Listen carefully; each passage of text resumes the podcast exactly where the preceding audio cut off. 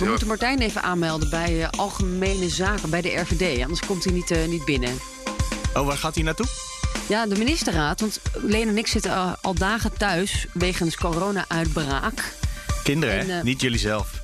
Nu moeten we een collega naar Den Haag sturen. Maar ja, die kan niet naar binnen als we hem niet aanmelden. Dat ben ik helemaal vergeten.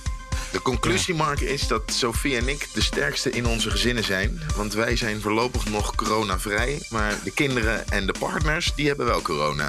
Ja, je hebt wel een kraakje in je stem. Alsof je toch zeker even verkoudheid begint op te lopen, joh. Ik heb nu nog een grote mond, maar binnenkort word ik uh, positief getest. Dat kan niet anders. Het is wel ironie, hè? De hele wereld praat over dat alles weer open gaat. Dat morgen op zaterdag de, de nachthoreca weer open gaat. Oké, misschien in Amsterdam met boetes en al, maar toch. Uh, dat uh, volgende week er een brief komt van de regering dat alles open mag, maar wij zitten gewoon ineens toch weer thuis te werken. Ja, ik, ik zit te wachten op die versoepelde quarantaineplicht. Ja, ik mag trouwens nu wel naar Den Haag, maar ja, ik heb kinderen die thuis zitten met corona, dus ik kan eigenlijk niet naar Den Haag.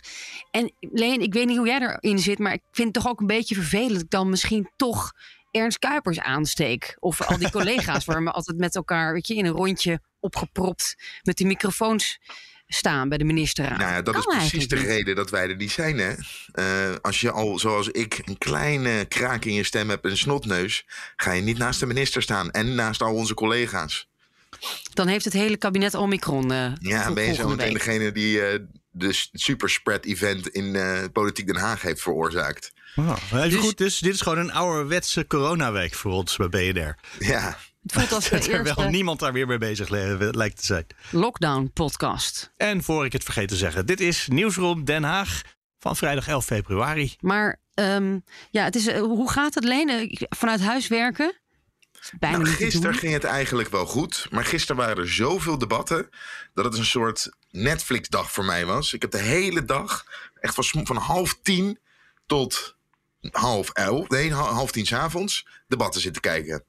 En fragmentjes opnemen, mijn bijdrage voor in de middag voorbereid. Wat telefoontjes gepleegd. Gisteren ging het nog wel, maar eergisteren baalde ik echt als een stekker dat ik niet in Den Haag was. Want? Nou, omdat op dat moment ook uh, Kuipers en uh, Rutte op de gang, hè, buiten de Tweede Kamer, nog even een statement gaven over de mogelijke versoepelingen. En ik kon daar niet heen. En de hele pers stond er, behalve ik. Ja, daar baalde ik als een stekker van. Dat is echt de fear of missing out. Dat valt meteen op, hè, dat we er niet zijn. Ja, ja. Maar ik mis ook wel echt dingen uit de wandelgangen. Dus ik heb het gevoel dat ik steeds half geïnformeerd ben. Of, of eigenlijk überhaupt niet echt weet wat er speelt. Ja, en gisteren hadden we ook een beetje pech. Want er was namelijk een hoofdelijke stemming. En het gevolg daarvan was, was dat bijna de hele Kamer een keertje in het gebouw... of de, de Tweede Kamer in het gebouw was. Dus iedereen die je had willen aanspreken, die was er gisteren. Behalve wij twee. Alle PvdA-roddels, wat je, we hadden alles kunnen weten. Wat Ja. er over, over wat. PvdA-roddels gaan we straks doen. Sophie. Voor je ons dat pad opleidt. Ik denk dat we het eerst even moeten hebben over iets wat de komende weken gaat spelen. Eh, de lokale verkiezingen. De gemeenteraadsverkiezingen, moet ik eigenlijk zeggen. Ehm, dat is namelijk iets wat ingewikkeld is voor een landelijke nieuwszender. Want Nou. alles speelt in Appelscha en in Zeddam en in Zwolle en in Maastricht. Maar hoe doe je dat in één keer voor heel Nederland? Ik ben wel een debat aan het organiseren in Nieuwspoort. Dat is ons perscentrum in Den Haag. Eh, met twee Kamerleden en twee lokalo's is het idee. En die moeten dan Mhm. samen de wooncrisis gaan oplossen. En ik dacht, dan kan jij of ik dan presenteren of samen. Ja, samen natuurlijk, gezellig. Jij weet er ook heel veel van. En ik heb nu eh, ja, ik heb, eh, Rita, Rita Verdonk eh, gevraagd. En ehm, Laura Bromet van GroenLinks. En Pieter Gimwis van ChristenUnie. Want die hebben allebei weer lokale politieke ervaring. Gimwis in Den Haag, in de gemeenteraad. En ehm, Bromet was wethouder in Waterland. Oeh, ja. Dus ik dacht, als we nou een beetje zo die, die link opzoeken tussen nationaal en lokaal. En kijken of er mensen in, in het parlement rondlopen die echt weten wat die problemen zijn. En waarom het nou niet lukt en waarom het misschien toch zeven jaar gaat duren. En hoe je die als Hugo de Jonge die regie nou echt kunt aantrekken. Dus eh, eh, jij dacht ook aan een serie, toch, Leen? En Misschien Ja, moeten we een, wil- een paar portretten maken kijken. van dat soort types. Eh, onze bestuurders, dus ministers, staatssecretarissen en Tweede Kamerleden, die echt een wortels hebben in het lokaal bestuur, die wil ik daar een klein interviewreeksje mee gaan maken. Waar raakt het beleid vanuit Den Haag nou echt het lokaal beleid? En ik denk dat we nu richting verkiezingen gaan. Nou, Sophie noemde wonen al, waarin het lokaal beleid en het landelijk beleid elkaar ja, echt in elkaar grijpt. En dat heb je dan bij wonen, bij veiligheid wordt belangrijk, leefbaarheid wordt belangrijk, financiën, gemeentelijke financiën, ook een punt dat, waarbij je eigenlijk niet zonder die landelijke media, of landelijke uh, politiek kan. Uh, en natuurlijk het sociaal domein. Daar is de rommeltje. WMO is een rommel, jeugdzorg is een rommel. Participatiewet is, een, is niet het succes geworden waarop ze gehoopt hadden. En dat wordt nu allemaal weer gerepareerd in het regeerakkoord. Maar ja, in lokaal is het dan nog niet zo zoals ze gehoopt hadden. Dus dit keer bij de verkiezingen zijn het echt wel landelijke thema's die spelen op lokaal niveau. En ik kan er een klein voorbeeldje voor geven. In 2010 in mijn stad Leiden werd er gewoon nog uh, op een echt lokaal thema campagne gevoerd. En dat ging over een trammetje door de binnenstad. Niemand wilde het trammetje, behalve de politiek. En D66, toen maar twee zetels, was ook een dieptepunt in Den Haag op dat moment. Die zeiden, nou, als jullie op ons stemmen, komt er geen trammetje. 10 zetels voor D66 van de 39. D66 grote winnaar. dat zijn lokale thema's. En volgens mij speelt dat nu bijna niet. De... Nou, hoe weet je dat dat nu niet speelt? Ik sprak, we spraken vorige week Thierry Aarsen, campagneleider VVD. En die zei: uh, Ik ga me helemaal gooien op buurtpolitiek, of hoe noemde hij dat ook alweer? Ja, op het trammetje. Want hij denkt dat dat nog steeds uh, diep in de harten van mensen speelt. Nou, en of de vuilnis wel op tijd wordt opgehaald. Ja, hij gaf zelf het voorbeeld van veiligheid. Wordt er niet te hard gereden in de straat? Natuurlijk speelt dat, speelt dat nog wel. En dat idee van de buurtpolitiek, dat is een beetje gejat van de SP. Hè? Die hebben ooit in alle wijken hebben ze van die SP-buurtlokaaltjes neergezet... waar je dan kon klagen met je lokale uh, grieven. Maar of de VVD wil natuurlijk graag die lokale thema's, en zeker veiligheid, hè, ga je niet hard door de straat, willen ze graag prominent eh, in beeld brengen. Maar ik denk eerlijk gezegd niet dat dat gaat lukken. Wat, wat denk jij, Sophie? Als jij nu denkt aan de grote problemen, hè, zeker uh, voor de jongere kiezer, ja, dan is het niet de, de scheefliggende stoeptegel, toch? Nou, ik denk dat deze verkiezingen gaan... Dat is echt een cliché, die, die stoeptegel. Ja, maar daarom is hij zo lekker om te gebruiken. ik, denk dat, ik denk dat deze verkiezingen voor een groot deel gaan over de woningmarkt. Dus daar moeten we gewoon vol op inzetten in onze verhalen de komende weken. Dus dat is wat wij bij BNR doen, Sophie, Leen. Maar de rest van Nederland die moet natuurlijk ook uh, stemmen. En die, die, hebben allemaal, in elke gemeente heb je de stemwijzers en kieskompassen. De kieskompas komt volgende week. Stemwijzers. Nou, niet allemaal, maar de meeste zijn er al uh, sinds gisteren. En van eh, de organisatie daarachter, ProDemos, is eh, Anita de Jong nu bij ons. Om te vertellen of inderdaad de woningnood het issue is in heel Nederland. Dat is zo, denk ik. Ja, absoluut. In alle, in alle gemeenten, in alle stemwijzers zitten stellingen over wonen. Uh, en dan gaat het over allerlei verschillende onderwerpen die met wonen te maken hebben. Dus uh, waar moeten de woningen komen, maar ook wat voor woningen moeten er komen. Moeten het sociale huurwoningen zijn, huizen voor gezinnen, huizen voor ouderen, wat willen we allemaal? En als die woningen er dan zijn, voor wie gaan we die dan uh, als eerste beschikbaar maken? Zijn dat dan de inwoners van de eigen gemeente? Worden het leraren, agenten? Noem het maar op. Dus er zijn heel veel onderwerpen die met dat wonen te maken hebben. En zit er iets van een lijn in dat de grote steden sociale huur uh, willen of zo? En het platteland juist het, het open veld open wil houden, zoiets? Nee, overal wordt daar uh, heel anders over gedacht. Ja, absoluut. Maar de onderwerpen zijn dus overal ongeveer hetzelfde. Alleen de partijen hebben daar andere meningen over. Dat is absoluut zo. Ja. Anita, ik had net hier, voordat jij aanschoof, de stelling dat bij deze uh, gemeenteraadsverkiezingen meer dan ooit landelijke thema's en lokale thema's in elkaar grijpen. En dat de echte ouderwetse lokale thema's, zoals het cliché, de stoeptegel die scheef ligt, of uh, de, de, uh, het zwembad uh, wel of niet open, dat dat veel minder speelt dit jaar. Um, ja, ik zie wel veel overlap inderdaad in de onderwerpen. Uh, maar wat een heel groot verschil is tussen grote en kleine gemeenten, is dat in de grote gemeenten de partijen het echt heel vaak niet met elkaar eens zijn. En in de kleine gemeenten zie je gewoon veel meer overeenstemming. Dus dan hou je ook minder stellingen over waar ze een, een, een, een goed verschil op maken. Dat is eigenlijk het grootste verschil. En dan hou je dus vaak wat kleinere issues over, omdat ze het over de grote lijnen al heel erg eens zijn. Je hebt mij wel trouwens meteen al in de keuzestress uh, gebracht gisteravond. Want toen heb ik hem helemaal van begin tot eind uh, gewoon ook uh, een keuze gemaakt van alle stellingen in mijn stad. Ik woon in Amsterdam. daarna gekeken wat zijn nou de belangrijkste argumenten. Wat vindt de VVD? Wat vindt GroenLinks, Partij voor de Dieren? Zoiets. En daar kwamen twee partijen uit. En die hebben allebei 74% gescoord. Dan komen er nog wat extra vragen. En daar scoorden allebei de partijen twee punten nog. Oh nee. dus ik heb nu twee partijen waar ik op moet stemmen. Nou ja, of je moet eerst die verkiezingsprogramma's echt goed gaan lezen. Want er zitten ja. vast wel verschillen tussen. Maar die hebben wij er dan niet helemaal uit kunnen vissen. Ja, maar heb je gezien dat heel veel mensen meteen op de website gedoken zijn?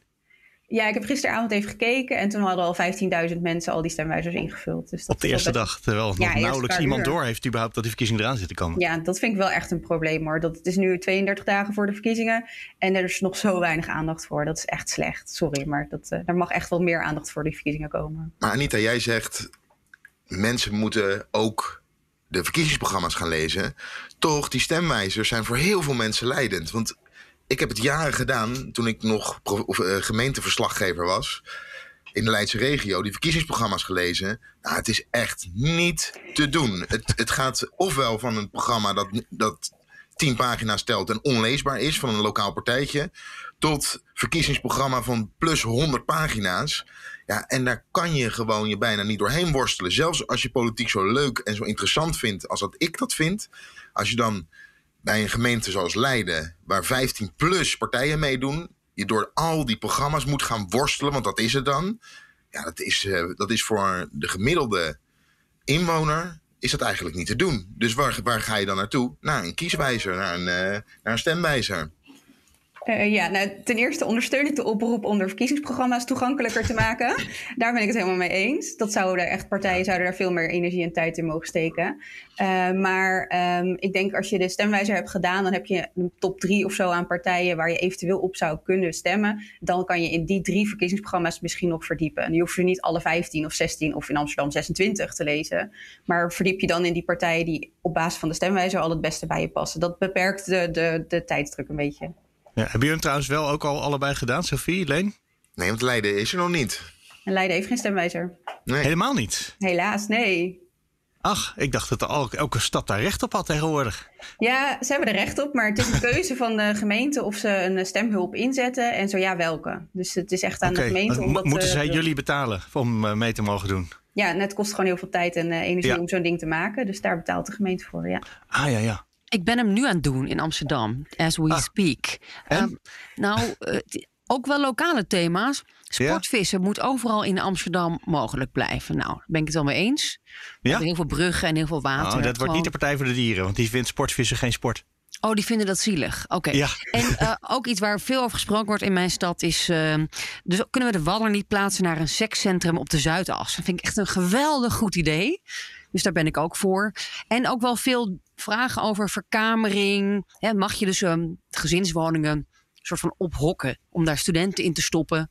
Ja. Nou, dat soort dingen. Ook uh, vakantieverhuur, Airbnb verbieden. Dus die woningmarkt-issues zitten er wel nadrukkelijk in hoor, in deze stemwijzer. Ja, vraag 1 is: Amsterdam moet stoppen met het bouwen van windmolens. Dat is er vast ook eentje. De categorie uh, klimaat, energietransitie, die op heel veel plekken voorkomt, uh, denk ik. Ja, dat, is ook, dat zijn ook stellingen die we in heel veel gemeenten zien. Het gaat bijvoorbeeld over inderdaad windmolens, zonnepanelen. Mogen er eh, zonne, van die zonnevelden komen op weilanden? Um, subsidies voor isolatie van woningen, voor uh, stoeptegels uit je tuin halen, zodat er meer groen in de tuin komt. Nou, dat zijn echt van die uh, dingen die de gemeente kan doen om die klimaattransitie natuurlijk te helpen. Ja. Uh, en ook wel bijvoorbeeld uh, gemeentelijke gebouwen. Dus het gemeentehuis moet groen worden. En uh, de schoolgebouwen die de gemeente beheert. En de sportcomplexen.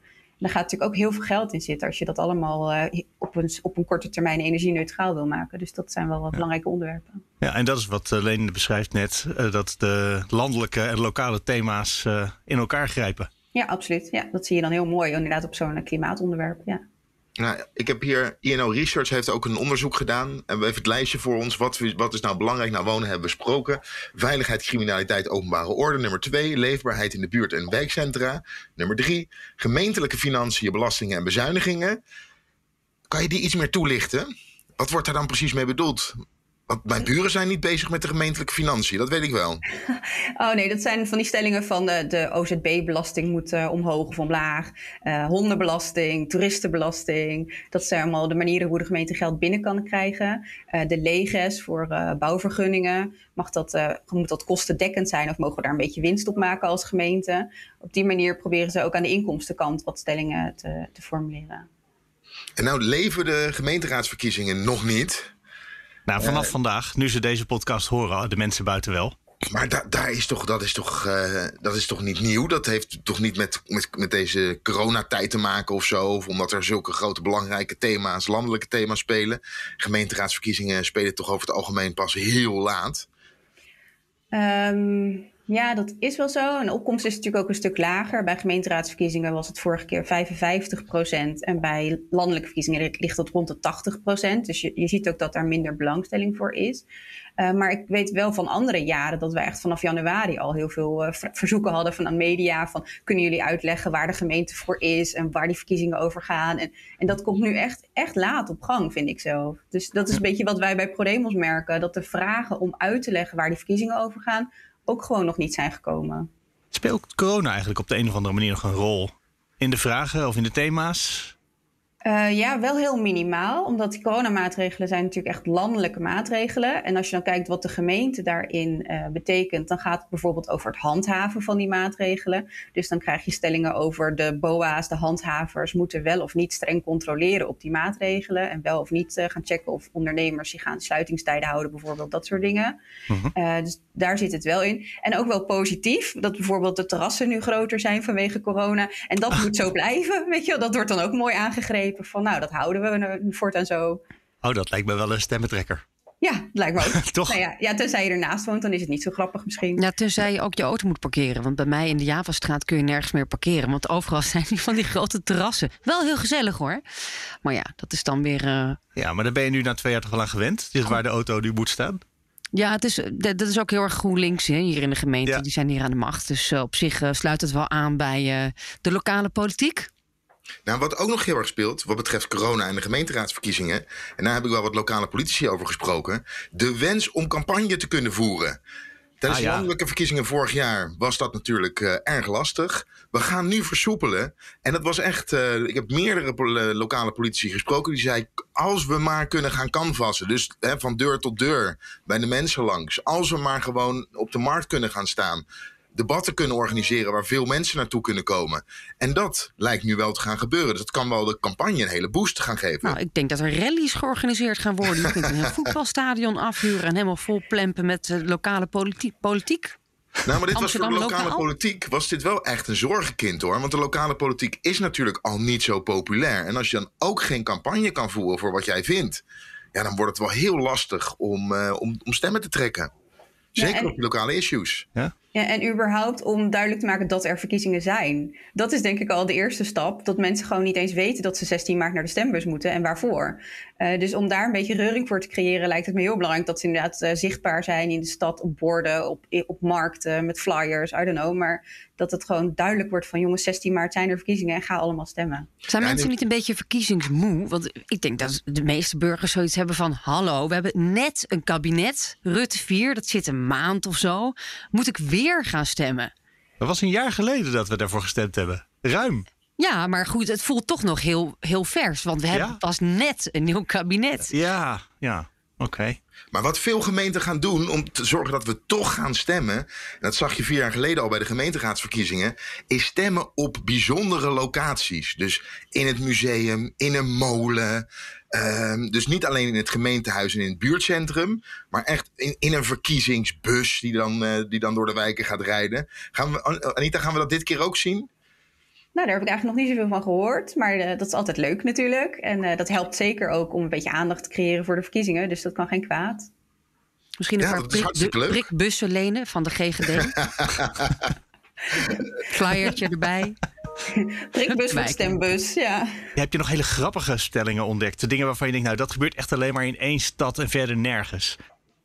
Uh, nou, je hebt echt van die lokale plekken waar dan over uh, stellingen worden gemaakt. Dus bijvoorbeeld ergens uh, in de klei. Mag je wel of niet vissen in de kleiput? En dat is dan een meertje ergens.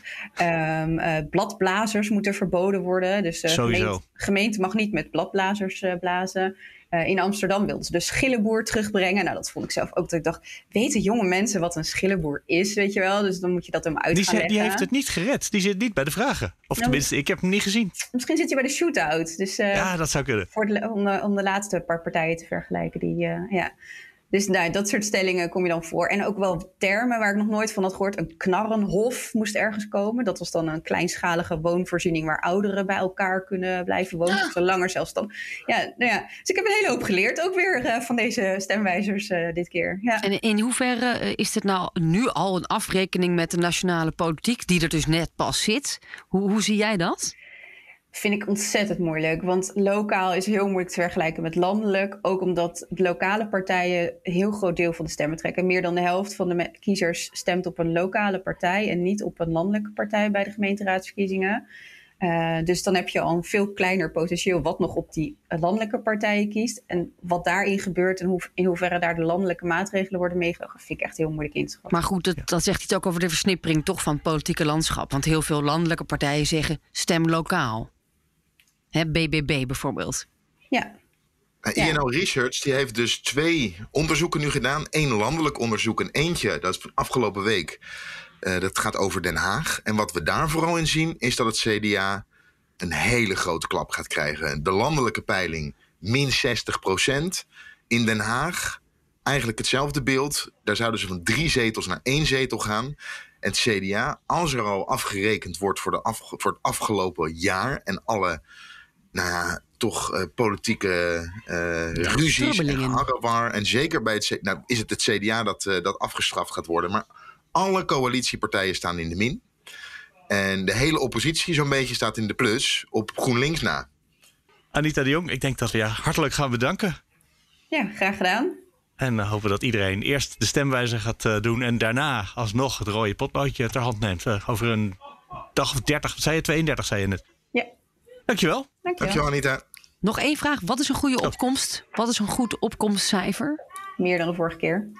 En dat is? Vorige keer was 55. Dus uh, tegen de 60 zou mooi zijn. Oké. Okay.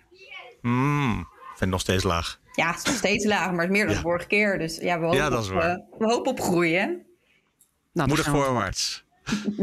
Terug naar de landelijke politiek, denk ik. Misschien wel weer eens tijd. Er was van de, van de week een hoop gedoe. Uh, gisteren startnota, dus dat gaat over financiën, uh, over het uh, toeslagenschandaal. En inmiddels hoorde ik gisteren het herstelschandaal als, uh, als follow-up van hoe wat er nu weer misgaat.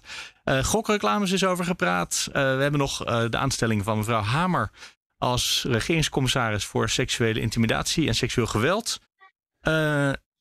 kansen genoeg om nog een heleboel te bespreken. Waar zullen we beginnen, uh, Leendert? Laten we toch heel kort, want ondertussen iedereen weet welke versoepelingen er gaan komen. Maar laten we toch even over de brief hebben en hoe de versoepelingen eruit gaan zien. Want er vallen twee dingen heel erg op. De Kamer die wilde natuurlijk weer in control zijn. Dus alles is omgedraaid. Niet eerst een OMT-advies, Katshuis, persconferentie, dan pas Kamer. Nu eerst brief aan de Kamer, OMT, Katshuis, persconferentie uh, en uh, daarna nog een coronadebat.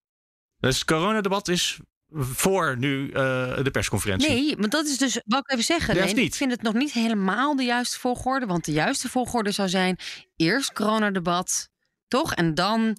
Uh, eerst advies, dan een debat, dan beslissingen en dan als het nodig is een persconferentie. Advies, dan debat. Maar het is een hele ingewikkelde brief, maar het staat erin waarom het nu zo is. Het klopt, de volgorde moet veranderen. Dat gaat in de toekomst wel gebeuren, maar eerst een brief. Als we volgende week willen versoepelen, dan moest die brief gisteren de deur uit, want anders lukt dat niet meer.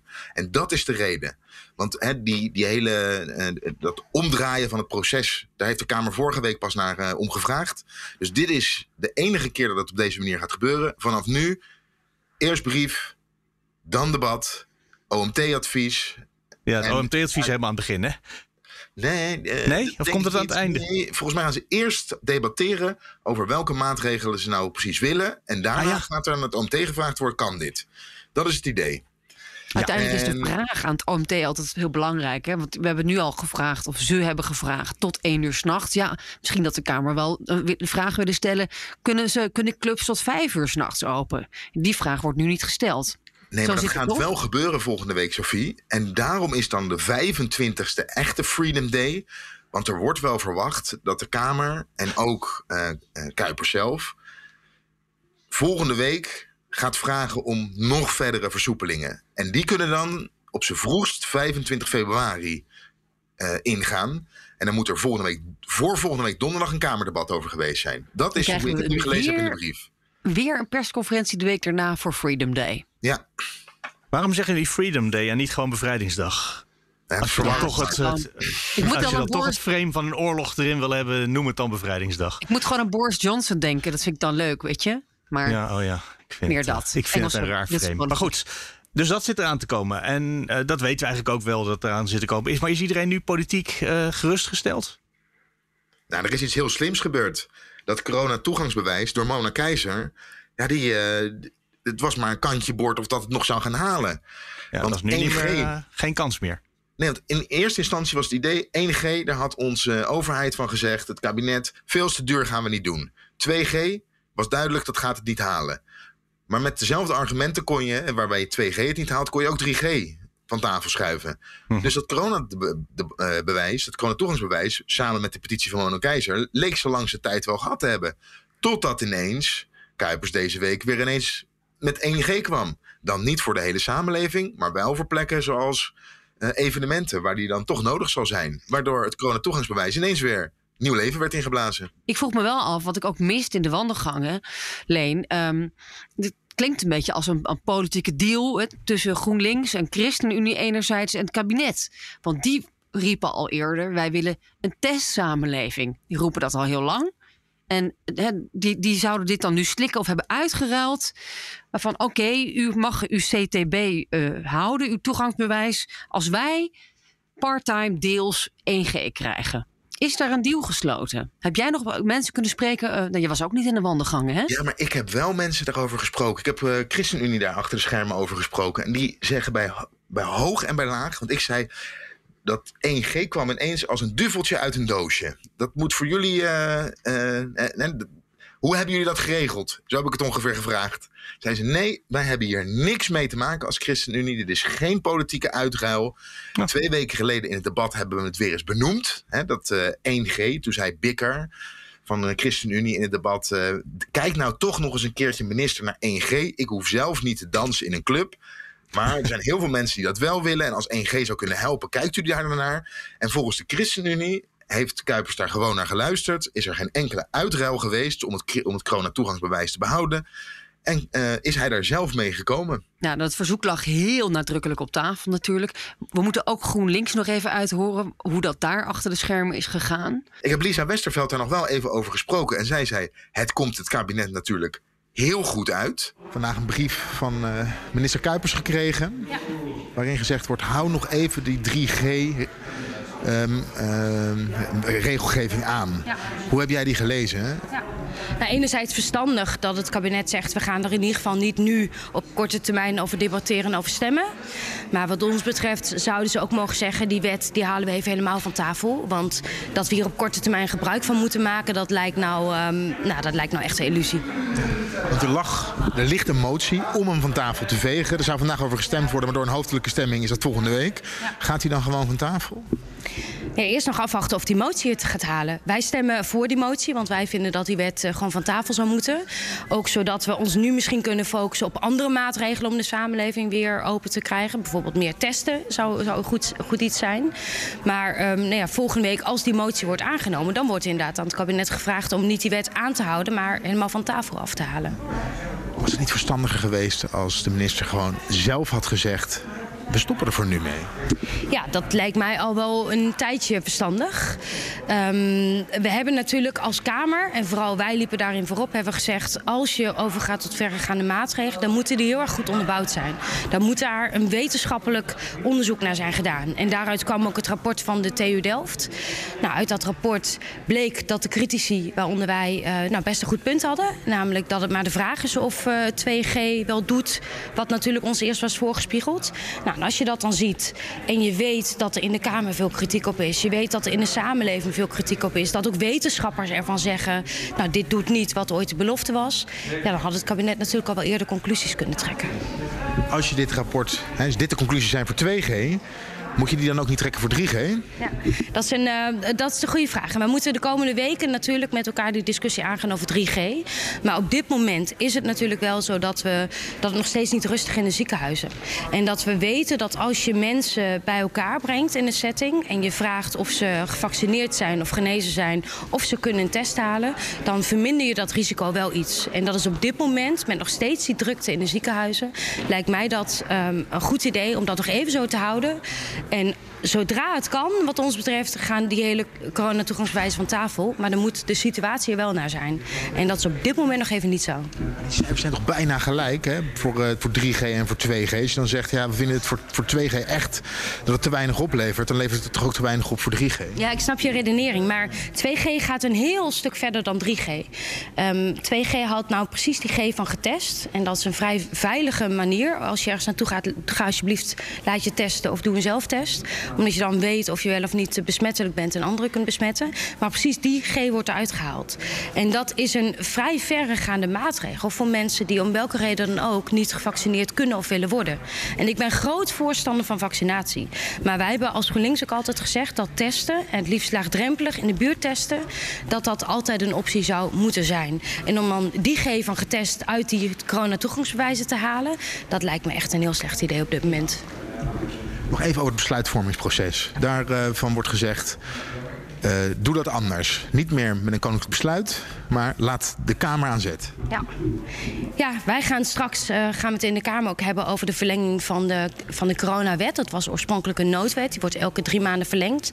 Die wordt nu verlengd per koninklijk besluit, dus met de handtekening van de koning. Wij gaan straks een voorstel indienen waarbij we zeggen... als die wet de volgende keer wordt verlengd... dan moet zowel de Eerste als de Tweede Kamer daarover het besluit nemen. Nou, dat lijkt me heel gezond in een democratie zoals de onze. Er wordt nu gesproken over een wet, de verlenging van een wet die al lang ingegaan is, elke drie maanden. Vanaf 1 december is die ingegaan we praten er nu over. Dus het wordt hoog tijd dat de Kamer de regie weer naar zich toe trekt. Uh, zullen we eens gaan naar uh, een van de dingen van gisterochtend, naar uh, de toeslagen? De oppositie was woedend, Mark. Jij hebt ook volgens mij was zelfs de, de regeringscoalities, die waren nou not amused op zijn minst. Misschien niet woedend, maar ook niet blij en vrolijk met wat de nieuwe staatssecretaris allemaal aan het doen is met de oplossing van het uh, toeslagenschandaal. Ja, en volgens Pieter Omzicht, zelfstandig Kamerlid, voelt de nieuwe staatssecretaris Aukje de Vries ook niet helemaal aan hoe gevoelig dit is. Uitleggen wat er nou precies aan de hand is. De slachtoffers van de toeslagenaffaire of de gedupeerden van de toeslagenaffaire, die, daar was een stopknop voor bedacht. Het moratorium heet dat officieel. En door die stopknop konden schuldeisers een jaar lang niet meer bij hun aanbellen. Wat er vanaf morgen, dus zaterdag, gebeurt, is dat de hand van de stopknop afgaat en dat die schuldeisers weer voor de deur kunnen staan. Dus er nou, staan ineens deurwaarders uh, die staan aan te bellen en zeggen: Sorry, ik kom uw auto meenemen of wat het ook is. Ja, en het was voor een jaar. En daar was voor gekozen, omdat het idee was: nou, binnen een jaar hebben we het wel afgehandeld. En hè, zijn men, kunnen de mensen, omdat ze gecompenseerd zijn door de overheid, hun schulden afbetalen. Maar het is nog helemaal niet allemaal geregeld. Dus het is ja, het is wat dat betreft gewoon heel oneerlijk eigenlijk. En dat vindt de Kamer ook. De Kamer vindt dat het niet zo mag zijn dat mensen die nog geen compensatieregel hebben. Uh, of geen compensatie hebben gehad voor wat er hen overkomen is in die hele toeslagenaffaire. Dat daar zo meteen de deurwaarde weer voor de deur staat. Daar is iedereen het Kamerbreed over eens. Maar Aukje de Vries, de nieuwe staatssecretaris, zegt... ja, die stopknop die kan ik niet in blijven drukken. Want er is namelijk ook nog zoiets als eigendomsrecht. Het recht van de schuldeiser op daadwerkelijk hetgene wat hem toekomt. En daar moet ik ook rekening mee houden. Dus die stopknop, ja, die kan je niet langer dan een jaar indrukken.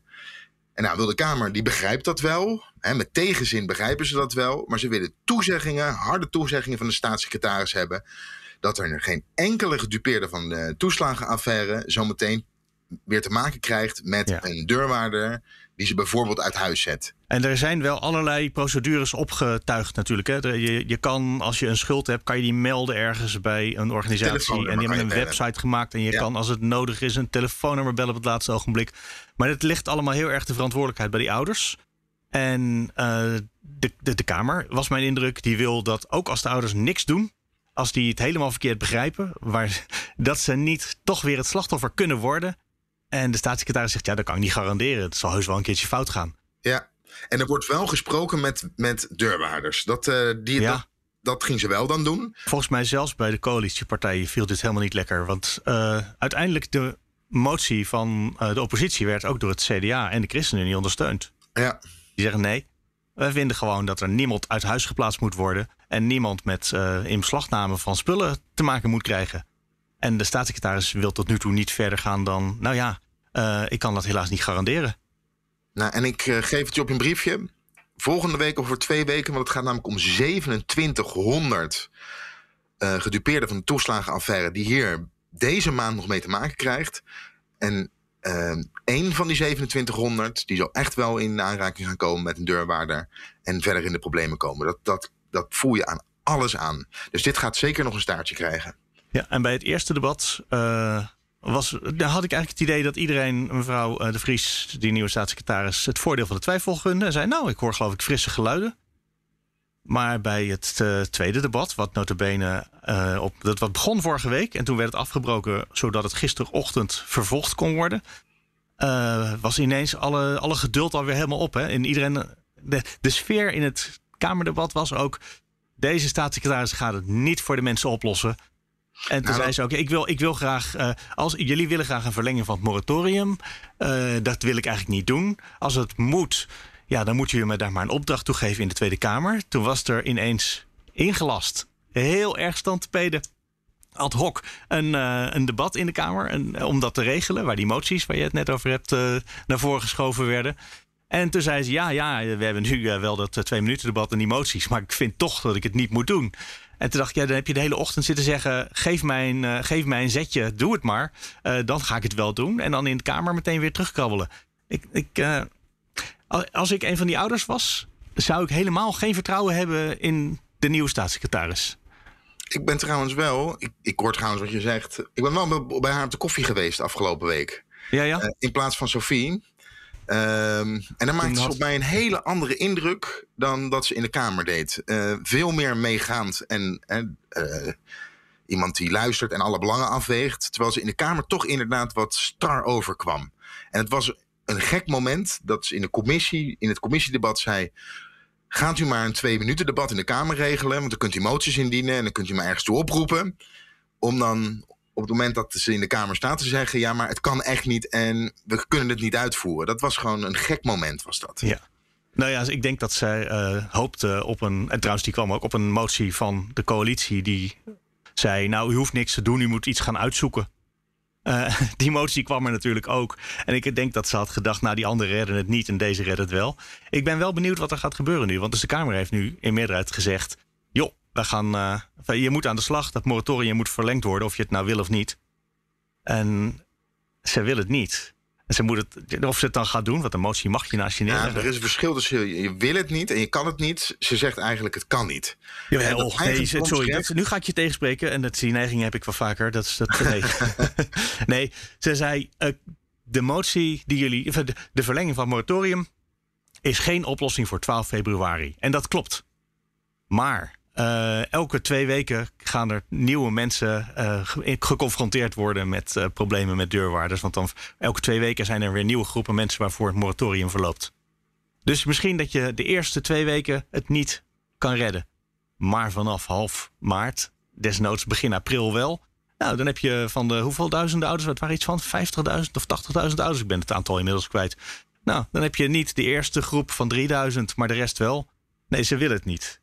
En, nee, eh, maar, nee, nee, maar nu ga ik jou tegenspreken. Ja, dat is heel goed. ja, want over dat eigendomsrecht, daar was ze heel uitgesproken over. Ze zei, al gaan wij dat moratorium verlengen, dan gaat dat problemen opleveren. Want dat eigendomsrecht kan je niet uh, oneindig lang in de koelkast zetten. Het moratorium is ook best een behoorlijke inbreuk op het wettelijke eigendomsrecht van, uh, van schuldheisers. En komt dus ook aan grondrechten van mensen. Dus dat is ook niet iets wat je licht mag, licht, lichtvoetig zou moeten doen.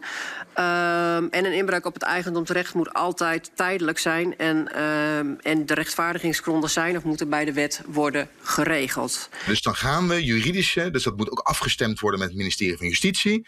Dan gaan er juridische procedures lopen uh, waarin wij ons gelijk niet gaan krijgen. Dat heeft zij ook ongeveer in die woorden gezegd. Ja, dat is uh, spannend hoe dat af gaat lopen, Leen. Iets anders wat deze week, nou in de categorie schandalen.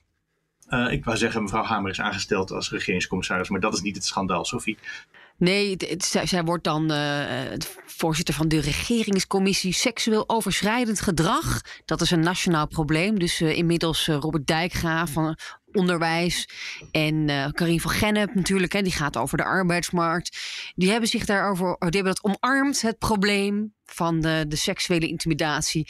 Ja, en dan zie ik toch wel wat, wat wenkbrauw, opgetrokken wenkbrauw ook op Twitter. Gaat Mariette Hamer ons hiervan verlossen? Na toch een uh, niet heel erg uh, geslaagde poging tot kabinetsformatie vorig jaar. Beetje flauw misschien, hè? Maar, ja, dat is heel flauw. Want volgens mij ja. is ze instrumenteel geweest in het mogelijk maken van de fases na haar. Uh, met de andere informateurs. Ja, zeker. goed, wat, wat, wat is nou precies haar opdracht? Want ze gaat natuurlijk niet in heel Nederland alle seksueel wangedrag uh, tegengaan in er eentje. Ja, ze gaat uh, heel veel kopjes koffie drinken. Dat is natuurlijk gewend hè, als voorzitter van de SER. Daar stopt ze mee, de Sociaal-Economische ja. Raad. Dus zij gaat met Jan en allemaal in het land uh, praten over, nou ja, wat is dan, waar ligt die grens dan? En hoe, uh, hoe, hoe spreken we het tegen elkaar uit? En hoe kunnen we die cultuur veranderen? En dat moet dan eigenlijk leiden tot een soort van een nieuwe cultuur, waarin we dan zeggen, en blijkbaar heel concreet, van. Uh, ja, een, een, een, handje op je schouder of een, of nou, een dikpik is dat sowieso. Dat kan dus niet meer. Dat is denk ik nu duidelijk. Was daar discussie over? nou ja, het was nog niet zo uitgesproken blijkbaar. Of niet dat dan de alarmbellen gaan rinkelen. Hè? Althans binnen bepaalde organisaties. Dus Um, uh, wat wel, wat niet. En, en dat maakt dat dan bespreekbaar met hè, de vertrouwenspersoon in je bedrijf. Heel veel bedrijven hebben ook niet echt misschien nog een vertrouwenspersoon. Dat kan echt veel beter. Ik denk dat er ook andere landen zijn waar we van zouden kunnen leren. Um, weet even niet welke, maar. Um, maar die zijn er vast. Die zijn er vast. En er is natuurlijk veel meer, nou ja, hoe meer erover praten, dan zie je dat het eigenlijk overal gebeurt. En in de Tweede Kamer hadden we deze week ook een relletje. Ook de zoveelste natuurlijk, hè, naar eerder D66, um, PVV. VVD ging het deze week over de PvdA. Wil ik ook nog iets over zeggen, want daar, ja, daar, daar rommelt het nu inmiddels een beetje. Daar is uh, Kamerlid Gijs van Dijk is eigenlijk zelf weggegaan. Ja, na, na een aantal meldingen, hè? Ja, na meldingen, ook al eerdere meldingen. En nu in een extern onderzoek dat wordt aangekondigd door uh, partijleider Ploemen. Waar, waar, ja, nou ja, ik, ik, vond, ik vroeg me af, nou, wat ik dan hoor op de achtergrond, uh, ja, is dit nou echt een, een, een voorbeeld van machtsmisbruik en seksueel uh, overschrijdend gedrag? Blijkbaar hebben we hier te maken met een womanizer. Maar mm -hmm. het is nog niet ja, 1, 2, 3 duidelijk dat dat dus uh, seks op de werkvloer of dat het, dat het echt hier gaat om uh, waar we het over willen hebben met z'n allen met die commissie in Nederland. Maar heeft um, hier iemand uh, gebruik gemaakt van de situatie en gedacht: oh, die Gijs van Dijk, daar kunnen we vanaf door wat over meldingen te beginnen? Nou, dat was het eerste gevoel dat ik er persoonlijk bij had. Omdat ik weet dat ik ken hem heel goed van de, de pensioennachten met Wouter Koolmees. Appen midden in de nacht van uh, zijn jullie eruit, ja of nee? Uh, roken, eindeloos achter de schermen vergaderen. Um, dit is iemand die eigenlijk uh, zijn ambitie was om Lodewijk Asscher toch op te volgen. Was een beetje de, de kroonprins eerder achter de schermen van de PvdA. Uh, werd toen op negen gezet op de lijst. Heeft het niet gered. Werd nou, voelde zich gepasseerd, onder meer door Ploemen. En was het ook niet echt eens met die koers van Ploemen. Die toch heel erg progressief is. En een, een beetje woke eigenlijk. En niet die, die ouderwetse sociaal-democratische kracht waar, nou, waar Gijs van Dijk dan meer een voorstander van is. Dus daar, daar spelen ook andere dingen achter de schermen. Een beetje machtsstrijd intern. Ja, of hij nou echt door haar eruit is ge gewipt. Ik weet het niet. Daarvoor had ik deze week in de wandelgangen moeten zijn. Um, ja, maar ik hoop als het waar is, is het wel een hele serieuze beschuldiging dit. Nou, uh, ja, dat, dat, daarom, die, ik, daar kan ik nu niet hard maken. Maar ik heb het idee dat, dat er wel meer speelt dan dan alleen maar.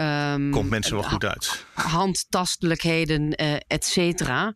Maar goed, daar komen we volgende week misschien op terug. Dan ben ik hopelijk terug in die wandelgang. Uh, het, het, is een ingewikkelde discussie. En, en wat is nou, en daarom gaat die commissie ik, zich ook daarover buigen. Wat is nou wel niet acceptabel? als jij flirt en, en meerdere mannen of vrouwen tegelijk hebt, is dat dan is dat dan verboden? Is dat dan, is dat dan grensoverschrijdend? Of is dat een privé kwestie? Vind ik zelf echt wel een ingewikkeld verhaal, persoonlijk. Het moment waarop dit gebeurde was wel ehm, opvallend. Ten eerste, Sophie, hij is natuurlijk zelf opgestapt. Dat is wel, hè, volgens de officiële verklaring, toch? Nou, ja. dat is de officiële verklaring, maar die wordt dan ook hier en daar weer tegengesproken. En het moment was heel opvallend, want we kregen eerst een persalarm. Mariette Hamer gaat zich bemoeien met grensoverschrijdend gedrag. En daarna, Gijs van Dijk stapt op bij de Partij van de Arbeid vanwege grensoverschrijdend verdrag, gedrag. En Hamer is natuurlijk ook een uh, Partij van de Arbeid prominent. Dat, dat, dat voelde een beetje apart, dat dat zo dicht bij elkaar zat. Dat was niet geen toeval voor mijn gevoel. Hm. Kan ik niet zeggen of daar een verband tussen is. Maar um, nou ja, goed. Volgende week meer hopelijk, want uh, anders blijft het zo hangen. Er was nog een opmerkelijk momentje deze week. In de wandelgangen, dat nog wel, toen ik er nog rondliep. Net buiten de Tweede Kamer, de patatbalie zoals het dan genoemd wordt. Alle journalisten waren lekker met zichzelf bezig. En Rutte had net in de Kamer, had hij uh, naar aanleiding van een overleed, overleden oud-Kamerlid van de ChristenUnie, had hij daar een mooi woordje had hij, had hij gedaan voor, uh, voor Schutten. En hij kwam de Kamer uit, maar geen journalist was met Rutte bezig. Wij waren lekker met onszelf bezig. En Rutte die wilde wel even kwijt dat hij bijvoorbeeld niet meer samen met Kuipers die persconferentie gaat doen. En dan vertelde een cameraman dat hij toen in de gang is gestaan en heeft hij hallo, heeft hij gedaan. En toen hadden we ineens door. En toen stormde de hele Nederland, de, de, de, vaderlandse pers naar Rutte toe. om alsnog die microfoon onder zijn neus te hengelen. En dat was even een leuk momentje deze week in, eh, in de wandelgangen. Hallo, ik heb nieuws. Dit was ook zorgvuldig geregisseerd. En we hoorden vorige week al achter de schermen dat hij terugtrekkende bewegingen zou maken. En Kuipers gaat het helemaal alleen doen. Oh, leuk trouwens. Rutte gaat zijn uh, uh, regeerakkoordje verdedigen in de Eerste Kamer volgende week. Misschien kunnen we daar ook nog een uh, blik op werpen. Volgende week, ja, precies. Ik ga afsluiten voor vandaag. Maar nog heel even één ding. Want echt voor de politieke nerds dacht ik, moet ik dat toch even laten horen. En misschien hebben jullie er ook van genoten. Gisteren was er een interpellatiedebat. We hebben niet zo vaak een interpellatiedebat. Dus ik leg heel kort uit wat eh, de regels zijn. Zeker ook voor de mensen die het eh, debat thuis volgen. Een interpellatiedebat wil zeggen uh, dat we een eerste termijn hebben. Waarin de interpellant, in dit geval de heer Van Nispen, vier minuten heeft om een, een inleiding te geven. Van tevoren zijn zijn vragen vragen ook gedeeld uh, met de minister. Vervolgens krijgt de minister de kans om te reageren op de vragen en de gemaakte opmerkingen. In de eerste termijn zijn interrupties uh, niet toegestaan. Vervolgens krijgen we een tweede termijn. Dan krijgt de interpellant, in dit geval weer de heer Van Nispen, de kans om vier minuten uh, een inbreng te hebben. Maar ook de andere collega's. En in tweede termijn kunt u moties indienen en kunt u elkaar ook weer uh, kunt u ook weer vragen aan elkaar stellen. Nou, ik hoop dat daarmee het uh, helder is. Is dat iets waarvan jullie opveren? Want dat is iets wat bijna nooit gebeurt. Het is altijd of vraaguurformat of gewoon een standaard debat zoals dat altijd is. Interplatie denk je dan, ja, of uh, oh, ik zie jullie een beetje verveeld kijken. Even goed, ik vond het leuk dat dat er was. Ja, je bent echt een uber-nerd, Mark. Ja. ja. Nou, precies. Goed, en met die constatering komen we aan het einde voor deze week van Nieuwsroom Den Haag. Het is vandaag vrijdag 11 februari. Je hoorde Leonard Beekman, Sophie van Leeuwen. Ik ben Mark Beekhuis. Je kan mailen nieuwsroom.bnr.nl. Tot volgende week. Tot volgende week. All right.